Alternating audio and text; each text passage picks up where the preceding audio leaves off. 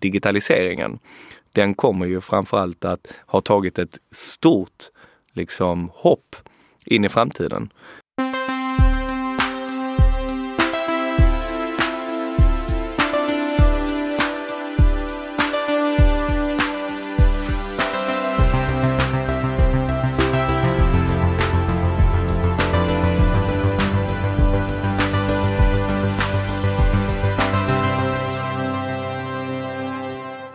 Det är bra. Alltså jag är så himla glad att få vara i en podd som heter Heja Framtiden idag. Det verkligen känns som att det behövs. Det gör ju det. Mm. Eh, Det gäller bara att hålla, hålla liksom ångan uppe. Ja. Och inte lägga sig ner och gråta. Eh, Tycker du att det är skönt att bli intervjuad? Är det behagligt att prata själv? jag är ju inte så precis. Jag har ju suttit mycket på andra sidan. Jag är ju van vid att presentera. Jag står ju mycket på scen. Mm. Uh, intervjua är ju, det är nog där jag behöver utvecklas mest. Det är därför jag gillar att slänga ut mig liksom och testa nya saker hela tiden när det gäller det. Men det är en annan teknik men jag är ju väldigt van vid att konversera och det är så jag försöker se det snarare. Så att, uh, nej. Jag tycker det, det absolut svåraste är ju att bli intervjuad. Men jag tycker, Ja, jag att- tycker det. men som jag liksom har sagt till alla mina gäster liksom så är det att eh, jag försöker bara se alltså, att det blir alltid bäst när det bara är en konversation. Snarare än att det blir en intervju. Ja. Tycker jag liksom. Och jag försöker se det så liksom. Och då händer det ingenting om man säger lite fel eller det händer, du vet man ska inte tänka på sådana saker. Jag märker ju det på mina gäster att då blir det bara konstigt. Så om man säger fel så säger Mm. man fel. Ja, vissa är väldigt eh, noggranna. De vill ha frågorna innan. Eh, har skrivit ut Ja. A4, A4-sidor med svar. Ja, Och sen resonemang. Så de bara, vänta, för jag, jag tar om det där. ja. Nej, jag, det jag, lite jobbar, oskönt. Liksom. jag jobbar aldrig med manus, jobbar aldrig med sånt även när jag står på scen. Nej.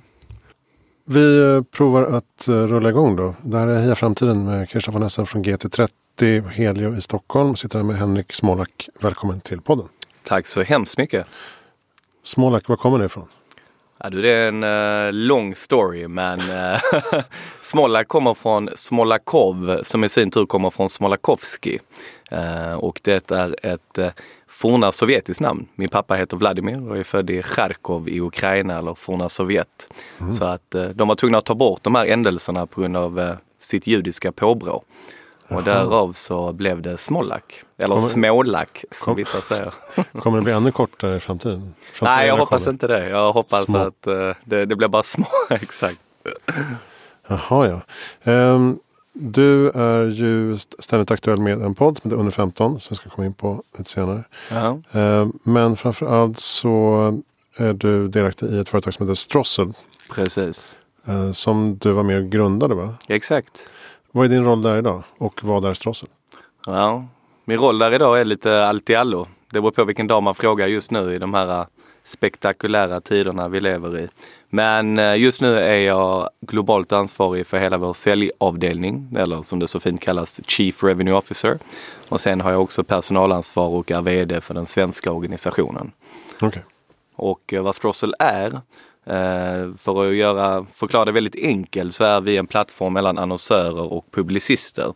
Där vi hjälper annonsörer med att rekommendera eh, relevant innehåll, alltså sätta rätt innehåll i rätt kontext. Men även hjälpa publicister att driva trafik och få besökarna att stanna, stanna längre på deras digitala plattformar. Och för annonsörer är vi en distributionsplattform där annonsörer kan se till att ta sitt innehåll och distribuera det i relevanta kontexter ute i en redaktionell miljö. Vi är inte ett publicistnätverk utan vi är snarare en distributionskanal som består av flera publicister. Så det är väl lite den korta. man kanske ska påpeka att det inte handlar om liksom banneruttryckning. Utan det är innehåll, alltså skrivet innehåll, content. Precis, så att eh, vi har alltid slagits hårt för ett format som heter native och en strategi som heter content marketing. Eh, som i grund och botten handlar om att vända på hela sättet man kommunicerar idag. Istället för att tänka insida ut som företag och säga vad är det vi vill förmedla till våra viktiga konsumenter där ute så ska man tänka tvärtom. Vad kan vi göra för att förtjäna den eh, attention som krävs för att vi ska kunna få en möjlighet att kommunicera med våran viktiga målgrupp där ute. Jag är intresserad av det här för jag har ju, jag har ju producerat content och native, eller redaktionella annonser som det också heter, i um, 13-14 år. Ehm, och det har gått från någonting eh, lite fult till någonting ganska hypat. Till eh, någonting mittemellan nu mm. kanske. Hur, hur ser du på den utvecklingen? Ja, om man skulle fråga mig för sju år sedan när vi startade Strossel att det skulle ha gått så långsamt i utvecklingen tills idag. Då vette tusan om vi hade trott ens att vi hade kunnat överleva. Alltså som bolag och växa så snabbt som vi ändå har gjort. Och, men det är ju på grund av att vi har hängt med mycket på den utvecklingen och utbildat mycket marknaden. Men eh, det är ju väldigt säljorienterat där ute. Det märker vi inte bara nu i den här krisen vi befinner oss i, att marknadsföringen stannar på grund av att marknadsföring endast idag används för att sälja. Man vill konvertera, man märker att det finns ingen köpkraft där ute och då väljer man att bromsa in och det är det enda som digital marknadsföring framförallt har blivit associerat med idag. Medan den typen av marknadsföring som jag förespråkar också, inte enbart men också, som du också har arbetat med, det handlar om att man ska kommunicera. Eh, och då är det ju ett excellent utrymme idag att faktiskt försöka skapa relationer. Även i kristider och göra det liksom regelbundet och kontinuerligt. För att inte bara präcka på erbjudanden där ute och för att få alla att köpa saker hela tiden som gör att mycket av marknadsföringen idag är hatad bland konsumenter. Mm. Men det är så mycket psykologi också. Jag menar, I uh, teoriböckerna kan man ju läsa att i en nedgång så ska man satsa snarare på marknadsföring. Men rent praktiskt det är inte så många som vågar. Och jag tycker det är så intressant. Jag satt och diskuterade med en eh, kompis igår som jobbar inom finans. Att vet, man sitter alltid och väntar och säger så här, ja men nästa nedgång, då ska jag köpa på börsen. Och så säger man, ja men eh, håller alla med om liksom. Och sen är vi här nu när börsen har fallit 30 procent inom loppet av en månad. Inte sugen på och ingen liksom känner det. Och det är ju de som vågar satsa och är riskbenägna som kommer att vara vinnarna i det långa loppet om man tänker lite mer långsiktigt. Men samma sak är det med marknadsföring, precis som du säger. Nu sitter man där i båten och nu kan man vinna marknadsandelar till ett billigare pris. Om vi inte ens pratar native så kan vi kolla på Google. Deras priser har just nu reducerats med cirka 40 till 50 procent. Mm -hmm. Det består ju helt av supply and demand. Och, och därmed så är det ju väldigt stor möjlighet man har idag. Men på grund av osäkerheten så vågar man inte. Nej, det blir eh, destruktivt på något sätt. Mm. Att alla ska stå och vänta på varandra. Mm. Jag tycker vi eh, kör på. Du, pratar, du var med i uh, Ulfs lunch-podden, vad heter den? Uh, Min bästa idé. Precis. Ulf Skarin. Som ju, liksom du och jag, träffar mycket människor och försöker lägga någon slags pussel av uh, insikter. Mm. du pratar om att företagen blir sina egna mediehus. Mm. Du har nog bra exempel på det, men varför har det inte skett mer tror du? Varför är man så ängslig fortfarande? Ja, men det, alltså man glömmer ju ofta bort att det här digitala skedet vi befinner oss i. Vi känner oss så himla digitala. Men både du och jag har växt upp i en generation som inte var digital. Det har liksom inte ens gått i generationen och det har inte riktigt gått i generation i företagscykeln heller i det digitala. Och därmed så är det ju ett nästa skede är att det kommer inte finnas något som heter digitalt och man kommer förstå att man måste förtjäna uppmärksamhet snarare än att bara köpa sig rätten till att störa upplevelser. Och när man har börjat förstå det, att man måste initiera relationer oavsett om man är ett företag, oavsett om man vill skapa sitt personliga varumärke, oavsett om du är en så kallad influencer, så är ju nästa steg för samtliga att bygga upp någon typ av digital entitet som ett företag som kan göra mer än att bara köpa och sälja produkter. Alltså ett exempel bara för att lyssnarna ska kunna förstå så ska ju inte SAS, även om de är i otrolig kris just nu, men jag brukar ta dem som exempel, vara en destination där man ska köpa SAS-biljetter. Utan de ska ju såklart vara en destination där jag söker inspiration var jag vill resa. Det är då SAS kan liksom börja konkurrera med andra och börja kapitalisera och hitta andra typer av intäktsmodeller och marginal som inte bara handlar om själva flygresan i sig. Så är det egentligen med alla idag om man kollar på eh, andra typer av företag som exempelvis Red Bull. Varför är det så att Red Bull idag kan tjäna mer pengar på sitt mediahus än vad de gör på att sälja energidryck? Varför är det ett av de starkaste varumärkena som finns i världen? Jo, men det är ju på grund av att de har lyckats skapa en digital plattform, ett eget mediahus där de kan kommunicera och äga relationen med samtliga konsumenter och även beyond deras konsumenter runt om i världen.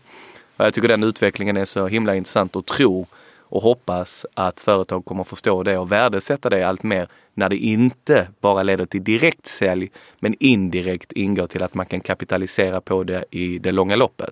Och jag vill bara tillägga en sak till där. För det är ju exakt samma sak vad en influencer är. Mm. En influencer eller din podd här med Heja Framtiden. Det är samma sak. När du startade den, då var det ju omöjligt för dig att säga vad du kanske ska få för räckvidd, hur du ska tjäna pengar på det, vad du kommer få för vinning utav det, förutom att du blir mer klokare och får träffa eh, smarta människor som du får sitta och diskutera med som bara det är värdefullt. Men successivt när du blir bättre på det, när du gör det kontinuerligt, när du börjar förstå det att det finns en affär i det, du lär känna din målgrupp som lyssnar, så kan man hitta sätt att kapitalisera på det som till slut kan liksom vara vinnande. Inte bara det att du blir smartare utan du kan till och med gå med vinst och göra det till ditt heltidsarbete. Fett. Och samma sak är det ju för företag, eller hur? Mm. Och, och jag förstår bara inte riktigt varför de inte satsar och det är väl lite för att man är för mycket i sin kärnkompetens och vill fokusera på de produkterna man har och inte vågar, lite som vi pratade om tidigare, inte bara under kriser utan generellt våga satsa på någonting som ligger så långt borta. Mm. Men tänk om man hade lagt samma budget som man lägger på tv-reklamfilmer. Om man lagt det på eh, vettigt innehåll mm. eh, riktat till eh, vettig målgrupp. Så tror jag att man kommit ganska mycket längre ofta. Ja, alltså absolut. Och, det är ju många som gör bra saker också. Alltså, det ska man ju inte ligga under stolen med. Och, eh, många försöker ju jobba mycket med, med att skapa mer en story kring, sen, kring ens varumärke och skapa relationer. Men det är väldigt få som tar det lite till sin spets och kanske börja diskutera någonting som inte ens har med ens produkter att göra men som engagerar den målgruppen man vill nå till exempel Volvo har ju ändå försökt göra det liksom på senare tid. Att de pratar ju inte ens om bilar. De pratar om svenskheten i Volvo. Någonting mm. vi kan relatera till, någonting som bygger ett community, någonting som får oss att känna en relation till Volvo. Så det är ju content marketing även om det inte är en artikel eller en story som publiceras och så vidare. Sen borde man ju utnyttja det och göra det i mycket större utsträckning och skapa kanske en community kring det. Men det är väl liksom ett nästa steg för Volvo att ta sig dit. Ja, mitt problem också när man jobbar mycket med eh, native till exempel. Det är ju att eh, man inte vågar lita på att en person har beslutande rätt och tycker att eh, det här är vår kommission, det här kör vi på. Det är ofta alldeles för många kockar mm. inblandade. Så att det här innehållet kan aldrig bli spetsigt och, och vasst utan det blir nedtrattat till någon slags eh, gröt till slut. Mm. Och det är väldigt tråkigt. Ja, det... det skulle kunna bli så mycket, så mycket bättre. Ja, men det är många företag där ute som säger då att de ska jobba med native. Och för lyssnare som inte vet vad native är så handlar det ju egentligen bara om att man har ett format som ser ut att vara en del av den plattformen man befinner sig på. Så när du är inne på Google så vill du vara sökresultatet. Du vill inte vara banner som stör upplevelsen. När du är på Instagram vill du vara ett inspirerande innehåll, inte annonsuppehållet. Om du är inne hos en publicist så vill du vara själva artikeln. Och så vill man vara där och försöker se native ut. Men sen så har man ofta de här säljande KPI-erna som styr som gör att det blir helt fel. Och därmed så eh, måste man ha en content marketing strategi bakomliggande som är själva strategin för dig hur du ska kunna jobba med att försöka engagera initialt till någonting som bygger upp en story som är viktig eller en relation som är viktig för dig med den här läsaren till att faktiskt ha någon typ av affärsnytta längre fram. Och däremellan, liksom från att sälja till att få den här affärsnyttan och den initiala native, det är där strategierna ofta saknas som du säger. Mm. Om vi går in på din podd under 15. Mm. Vi kom fram till att vi började ungefär samtidigt, hösten 2017. Precis. Eh, nu har väl jag gått om dig i antal avsnitt. Eh, hur började den då? Var det en del av eh, att bygga Strossel som varumärke och eh, liksom få in nya kontakter eller mm. hur såg det ut? Alltså det första var att jag bestämde mig för att starta en podd. Det var ganska länge sedan. Så jag var ganska tidig med tanken. Men sen var det ju det där genomförandet som inte skedde. Så mm. jag tänkte väl så tanken. Vi, gick fram, vi gick runt samtidigt och tänkte... ja, men jag, jag, tror jag började tänka på att jag skulle starta en podd för fem år sedan. Men sen gjorde jag det inte och det är väl ofta det man, man bara måste göra. Det är bara att göra. Men sen så blev det lite skottet i Sarajevo när jag fick eh, höra att vi hade sponsrat en podcast som var ganska liten. Som hette Mediapodden som hade en 4-5 tusen lyssnare i veckan. Och vi hade betalat 50 000 kronor för att eh, sponsra den som var väldigt relevant och bra för oss eh, under tre avsnitt som en liten spot i dem. Eh, och då sa jag bara till vår CMO på den tiden att eh, ja, men det här kan jag göra bättre själv. jag kan bygga vår egna podd. Vi måste ju leva lite som vi lär. Vi förespråkar mm. content marketing och native. Nu är det dags. Och jag gjorde det lite som ett sidoprojekt så det skulle vara lite vid sidan om. Men jag fick stöttning och så såklart av bolaget. Och det största problemet var ju direkt distribution. Hur ska jag kunna få gäster dit? Liksom, vad, vad ska jag kunna göra för typ av unikt format? Och då gjorde jag bara så att jag tänkte en podd som jag själv hade velat lyssna på. Och jag älskade poddar redan då och eh, kände dock att de flesta var för långa och utdragna och inte fokuserade så mycket på kunskap. Intervjupoddarna var väldigt mycket fokus på människan mitt emot. Eh, och eh, bestämde mig då för att det skulle vara ett lite kortare komprimerat format under 15 minuter. Och sen så gjorde jag ett samarbete med Dagens Media då. Det jag sa till dem, eller sålde in till dem snarare sagt att vet du vad? Jag har en podcast här. Jag kommer skriva fantastiska artiklar varje måndag som berör ett nytt ämne så ni kan bredda er gentemot er publik. Det enda jag behöver är liksom att ni stöttar podden genom att få den att växa och sköter lite, jobbar lite med promotion och distribution. Och jag blir lite som ett redaktionellt innehåll för er och så stöttar vi varandra i det och promotar varandra.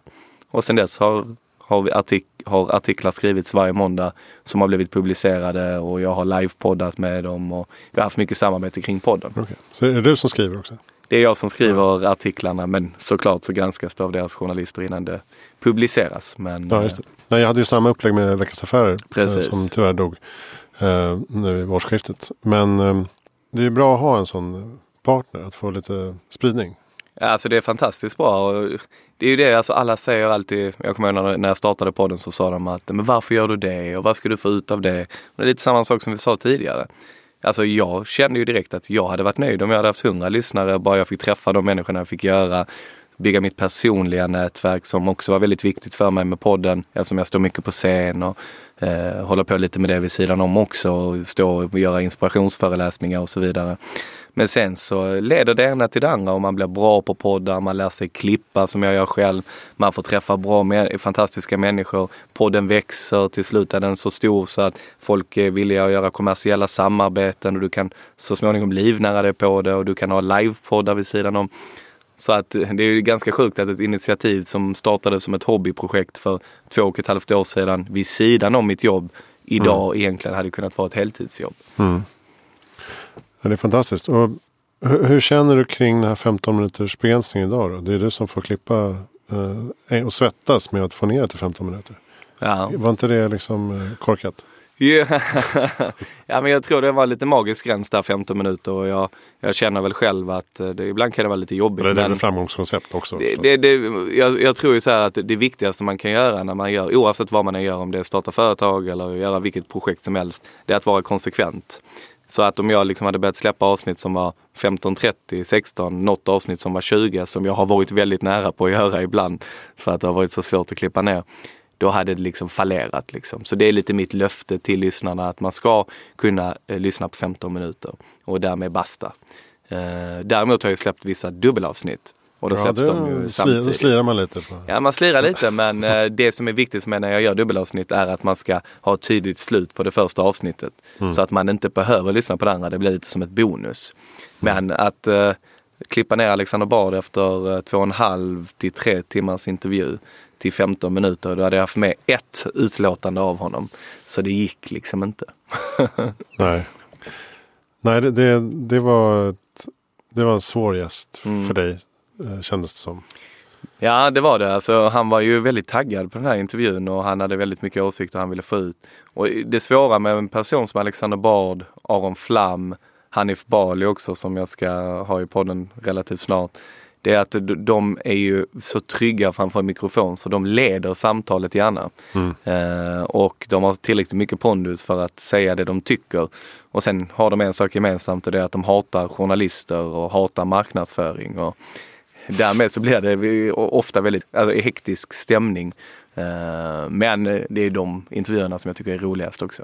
För du tog ändå med ganska mycket när han blir förbannad på dig, Alexander Bard. Mm. Ja men jag kände det. Alltså, lite så är det ju. Alltså, man vill ju ta med det lite turbulenta. Det är mm. också lite kul. Eh, och jag skämdes liksom inte över prestationen utan det var liksom att jag ställde frågor som jag genuint ville ställa och han blev väldigt irriterad. Och jag tyckte bara det var intressant att få med. Så det mm. avsnittet försökte jag ändå få ut liksom själva dynamiken i intervjun också. Ja, det ger lite kontext också. Ja, men exakt. När blir det som eh, roligast då? Mest eh, kittlande? Är det, är det framtidsspaningar?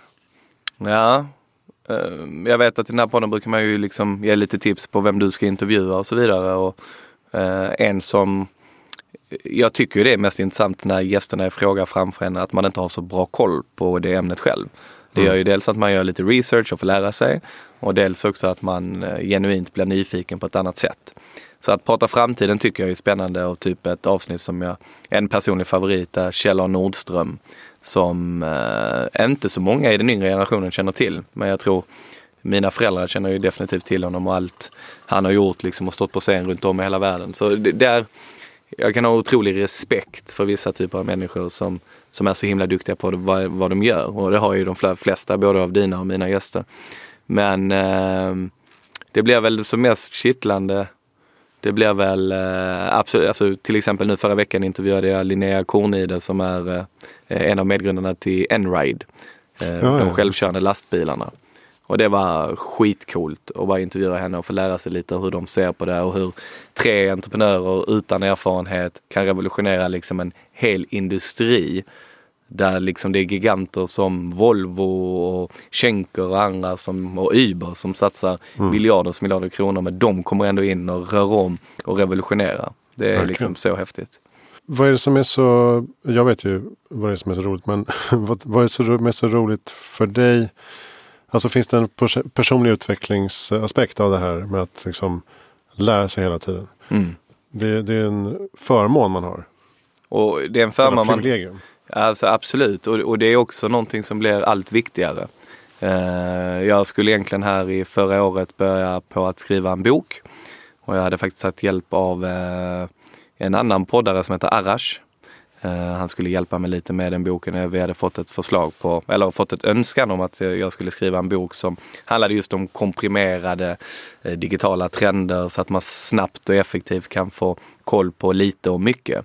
Och jag tror det är liksom bland det viktigaste som finns idag att skillnaden från nu är ju att saker och ting händer ju så himla snabbt. Det är svårt att hålla sig uppdaterad. Det är content overload, man vet knappt vad man ska läsa.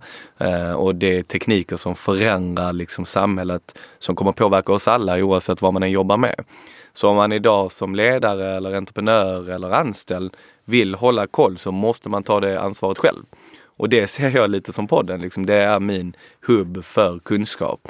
Så att jag ska få koll på lite och mycket och lite konceptet i podden också.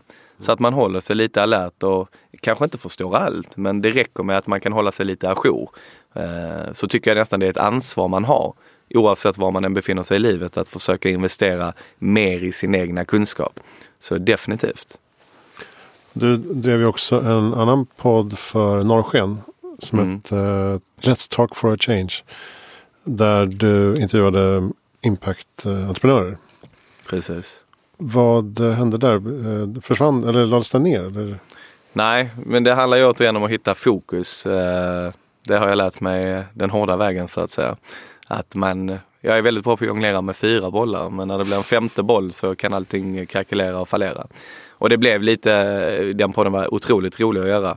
Eh, men vi hade Swedbank som sponsor och eh, den lades väl ungefär ner i samband med att Swedbank eh, fick sin lilla kris på grund av mutskandalen eh, och allt det där tvätta pengar och så vidare som hände där i förra året.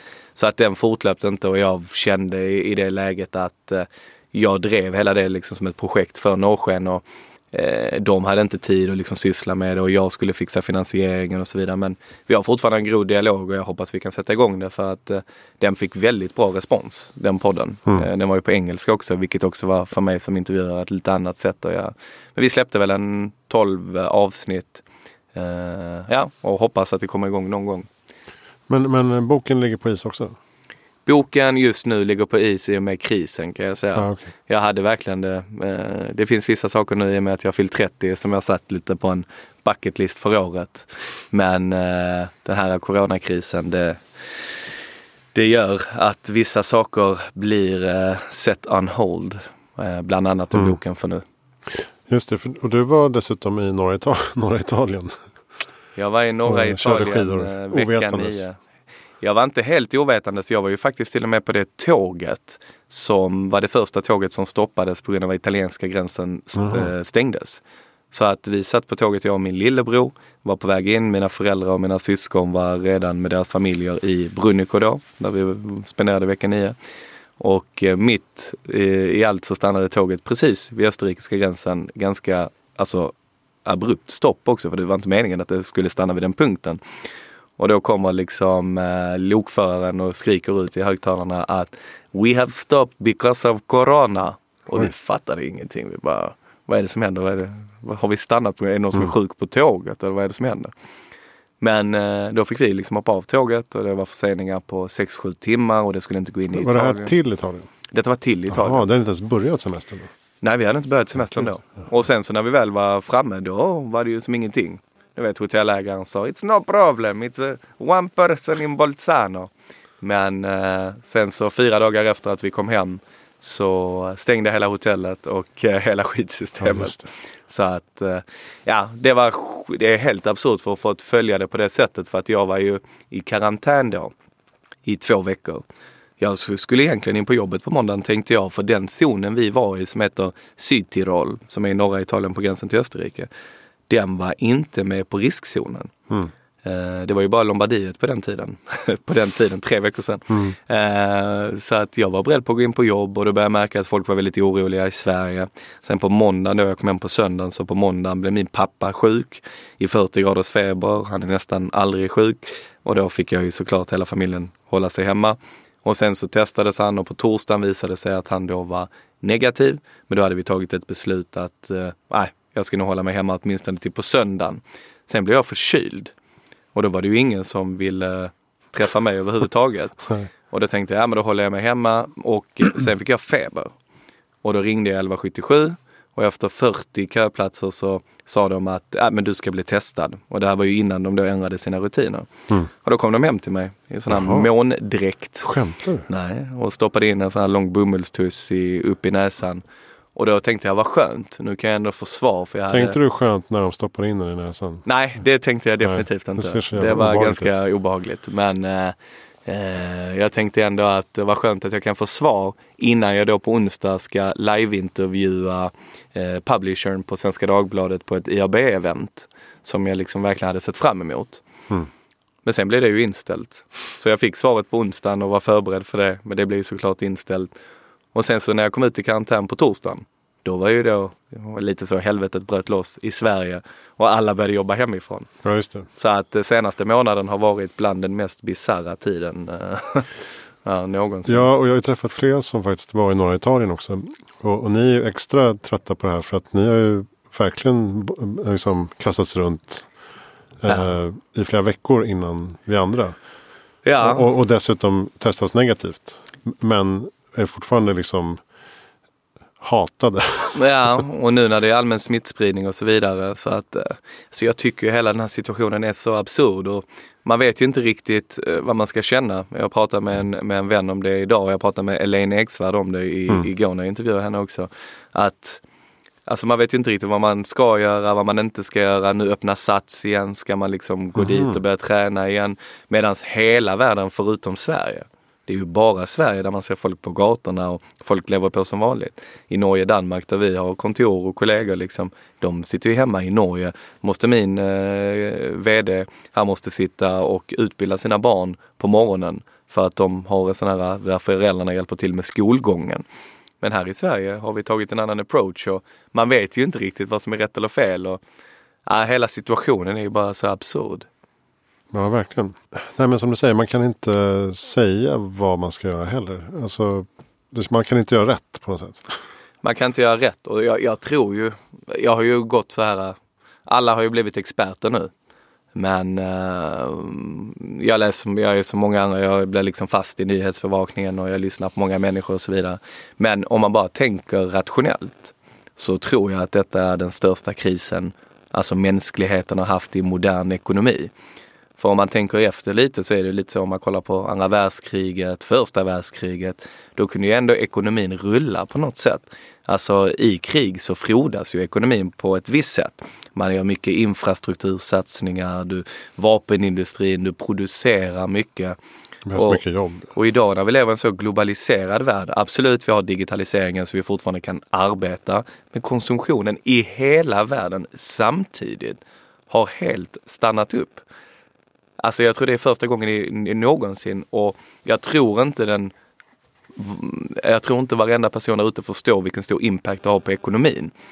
Och sen så ser du ju människor som säger så här att ja, men det är bara en vanlig influensa och, och man ska inte vara så orolig och så vidare. Men det de inte förstår då är ju att det är ju inte själva eh, coronaviruset och sjukdomen i sig som gör att eh, vi tenderar till att få ett samhällskollaps. Det är ju coronaviruset som egentligen är som en vanlig influensa, bara att vi inte har byggt upp immunitet och har vaccin och beredskap för det. Det är ju att hela sjukhussystemet kollapsar. Och när sjukhussystemet kollapsar, då kan du gå ut här och bryta benet eller bli påkörd av en bil när du går över övergångsstället. Då måste sjukvården liksom välja, om du behöver intensivvård, vem ska de välja mellan dig eller någon som är 82 år? Och det, det funkar liksom inte. Så att jag tror att det är på så många håll och kanter att alla tror sig vara experter och ingen riktigt vet vad som komma skall. Nej, men det har jag också landat i nu då. Att det handlar ju bara om att skydda sjuk, sjukvårdssystemet. Precis. Alltså platserna. Ja. Att eh, nej, det är inte farligt att bli smittad. Eh, men om smittan förs vidare så riskerar det att krävas fler platser. Och om man är ung och har astma så kanske det kan vara ett problem.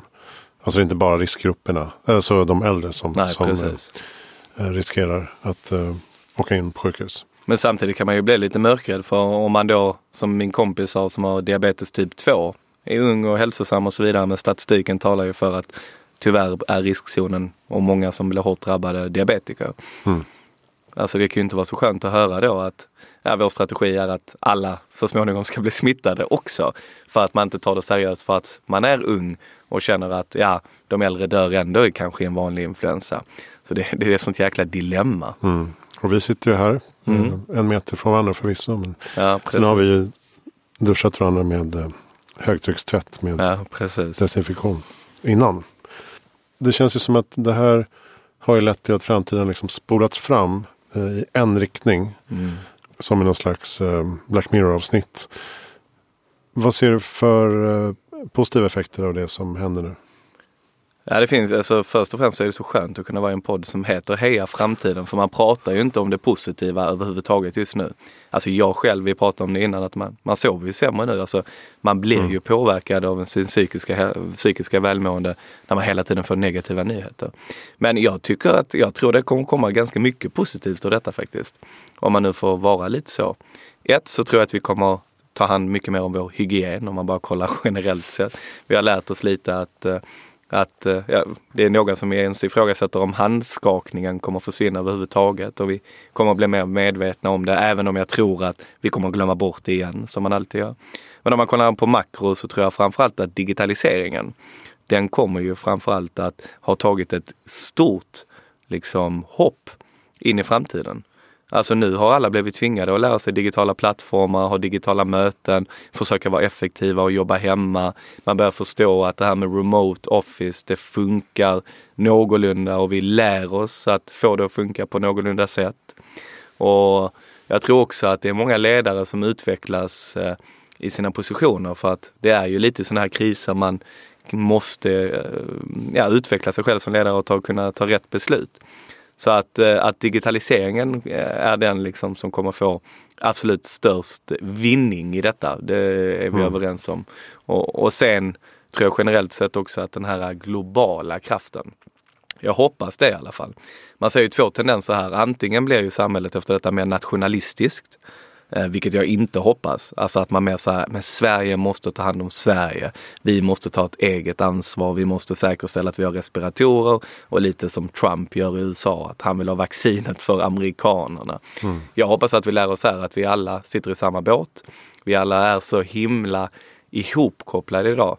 Och att man i alla fall som medmänniska förstår att det här med globalisering, vi är, we're in this together, hela planeten. Så det är väl kanske två effekter jag hoppas kunna se. Mm. Ja, många känner ju någon slags eh, ökad solidaritet. Mm. Jag skriver nu en rapport, eh, Visit Sweden, om besöksnäringen. Hur de hanterar krisen med eh, kreativitet eh, på sina håll. Och det är många som vittnar om liksom att eh, ja, men fan, världen kommer bli bättre efter det här. För att folk eh, ställer upp och hjälper varandra. Mm. Um, I det lilla. Men, ja, men jag tror att det finns uh, förhoppningsvis någonting fint som kommer. Och sen um, kan man ju tänka sig att om vi klarar det här globalt tillsammans så kan vi ju klara andra saker. Mm. Globalt tillsammans. Ja, man får bara hoppas att uh, den kraften övervinner det andra.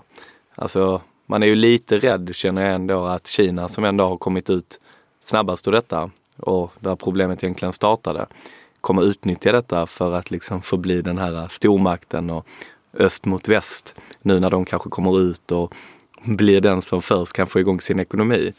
Att det inte blir någon typ av eskalerande. För det får man ju inte glömma heller. Man pratar så himla mycket om själva corona. Men inte så mycket om följdeffekterna det kan ha på framtiden. Och det är ju inte ett helt irreellt eh, antagande att detta kan leda till någon form av finansiell kris, det är vi redan inne i. Men därefter också någon typ av krig. Alltså. Det ser man ju också i form av sådana här tendenser att, att eh, det kan eskalera väldigt snabbt. Ja, när det blir någon slags eh, blame game. Ja, alltså blame eller att Kina kanske inte tar sitt solidariska ansvar som resten av världen förväntar dem att göra mm. och ska hjälpa till att bygga upp världsekonomin utan fokusera på sig själva. Jag har ingen aning men man kan i alla fall spekulera kring att de kanske inte har gjort så historiskt sett och kanske utnyttjar detta för att stärka sin position i världen snarare än att hjälpa resterande världen. Det får man ju se. Men... Mm, ja, kanske.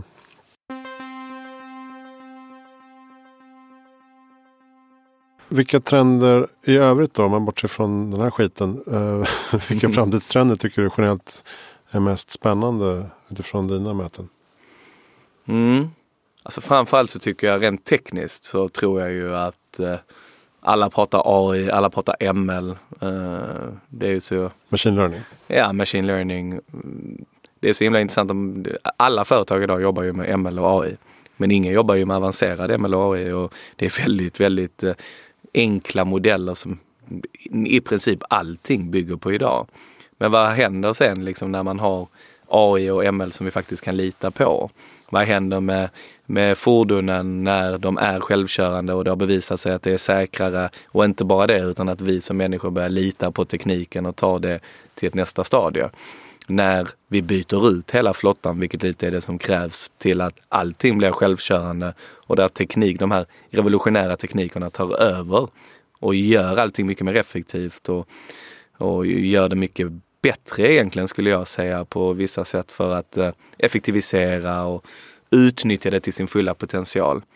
Eh, det tror jag kommer att ske ganska snabbt relativt sett. Jag tror att vi kommer att se radikala skillnader med självkörande teknik eller autonoma fordon eller um, ML och AI som faktiskt kan användas på intelligenta och, och helt autonoma sätt där de kan ta beslut som vi människor inte kan kommande decennier.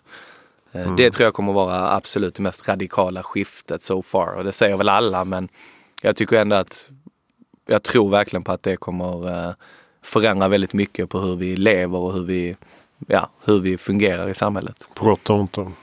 Ja, alltså, det beror ju på lite. Det, det, är ju på något sätt människan som skapar tekniken. Jag ser ju inte framför mig och inte de experterna jag har pratat med, det här Terminator, att eh, tekniken blir ond i sig självt och försöker liksom ta över.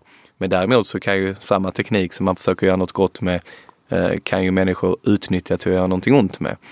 Och det blir ju intressant att se liksom när, när det blir fritt och användbart och billigt och nyttja för ja, både goda och onda människor med olika avsikter, då blir det ju såklart ett problem.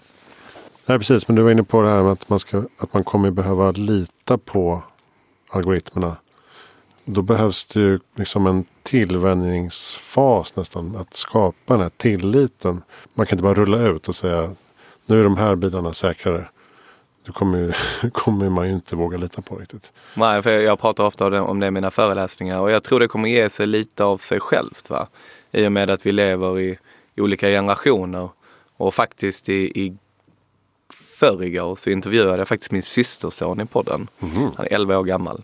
Och då pratade vi om eh, digitalisering ur, en, uh, ur ett barns perspektiv. Vi försökte ja, liksom, ja det, det, var faktiskt väldigt spännande för att jag har försökt prata mycket om det, lyssna mycket på barnen och så vidare. Och bara där, nu är det inte så stora skiften, men han förstår ju till exempel inte varför han har skolböcker. Det är ju sånt typiskt liksom som han inte kan förstå. För att han var ju tvungen nu när jag hämtade honom från skolan då, var han tvungen att ha med sig alla sina skolböcker hem på grund av coronakrisen. Mm. Och då blev det en väldigt tung väska som knappt han kunde bära. Och han bara, ja men jag förstår inte varför inte allting ligger på en iPad. Han, det, det, han förstår inte det.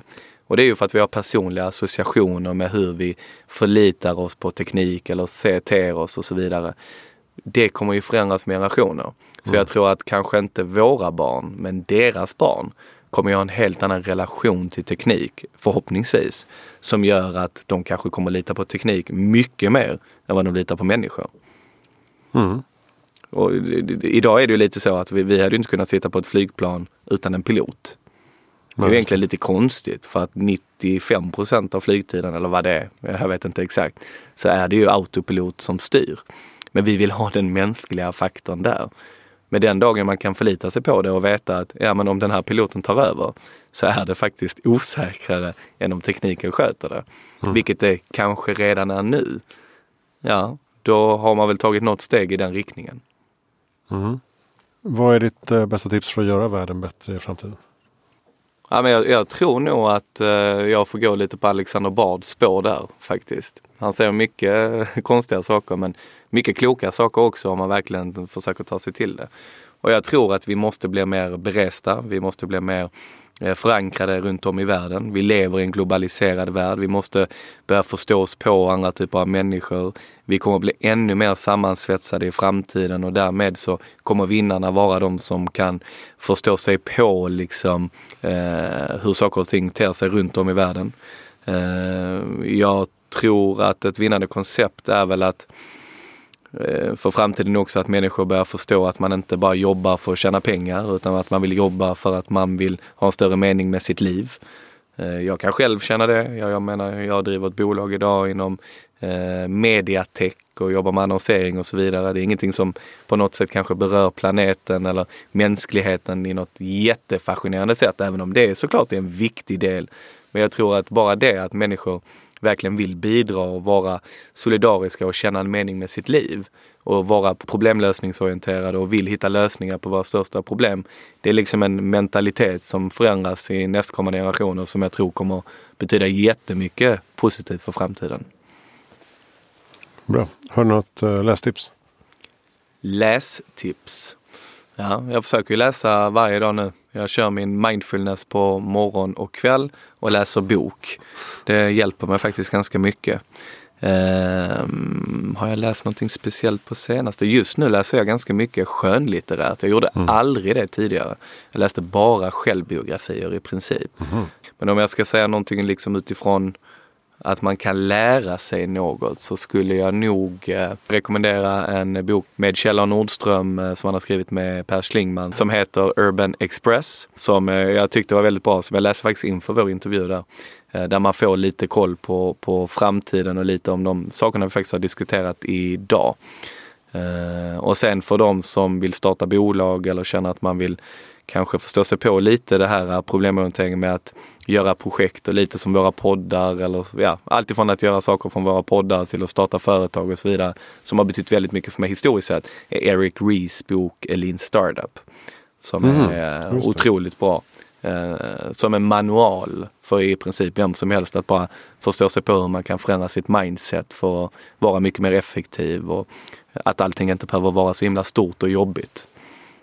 Ja, just det. Man kan uh, göra mer än att bara Ja, alltså att, att det inte handlar så här. Det, det värsta jag vet är när entreprenörer vill träffa mig och berätta om en idé.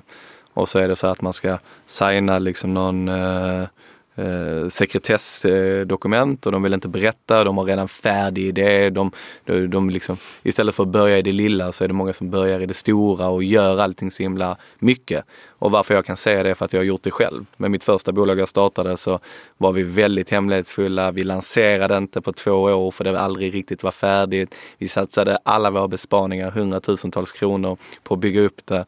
Och sen släppte vi det och så visade det sig bara, brä, att det bara föll ihop. Jaha. Och, Varför eh, föll det ihop? Det föll ihop för att vi, vi, vi trodde ju att i våra huvuden att vi byggde någonting som alla ville ha. Jaha, att folk skulle komma Eh, springande. Liksom. Ja, att folk skulle komma springande, att vi visste vad som var bästa funktionaliteten för konsumenterna. På den tiden byggde vi en plattform som var en personlig tidning online eh, som heter Coolart. Ehm, och det var liksom motsatsen till det här Lean Startup-tänket. Där man liksom börjar med det lilla, går ut, testar, gör om, börjar mer, kör vidare. Och det, den, den typen av jargong ska man ju ha i allt. I marknadsföring, i, i eh, kommunikation, i eh, företagande. Eh, Det är lite som eh, Ashkan Puja sa till mig, som jag tar med mig, att man ska vara en pragmatisk visionär. Man ska tro så himla mycket på en idé som man vill förverkliga, eller ett projekt eller vad det nu må vara. Men man ska vara tillräckligt pragmatisk till att kunna förändra den hela tiden kontinuerligt. Det tycker jag är ett ganska bra sätt som liksom sammanfattar lite det Eric Ries pratar om också. Så att eh, hela tiden försöka göra om och göra rätt och göra bättre och inte ta för stora cykler hela tiden utan jobba med den här MVP-tänket, min- minimal viable product och så vidare. Inte fastna i sina storslagna planer för mycket. Nej, det är, men det är lätt hänt. Det är lätt hänt. Vem tycker att jag ska intervjua i Heja Framtiden? Och du har intervjuat så himla många. Har du intervjuat Kjell? Nej, faktiskt inte. Jag har kontakt med dem, men vi har inte bokat. Alltså Kjell ska du ju ha här. För om det är någon som liksom kan heja oss in i framtiden så är det ju Kjell. Så det, skulle vara, det hade jag gärna velat lyssna på i alla fall när han, alltså jag tycker han är så himla duktig på att liksom sammanfatta framtiden. Så det får vara mitt tips, absolut. Bra. Tack snälla Henrik Smark för att du kom till Heja Framtiden. Ja, otroligt kul att få, få vara lite positiv en stund. Tack så hemskt mycket. Och det hittar man på strossel.com. Strossel.com, Instagram på under 15 eller hos Mollack eller man kan mejla mig på under15 gmail.com. Just det. Och podden heter Under 15 och finns eh, överallt där poddar finns. Eh, Heja Framtiden finns på hejaframtiden.se. Jag heter Kirsta von Essen. Tack för att du lyssnar. Nästa gång pratar jag om något annat.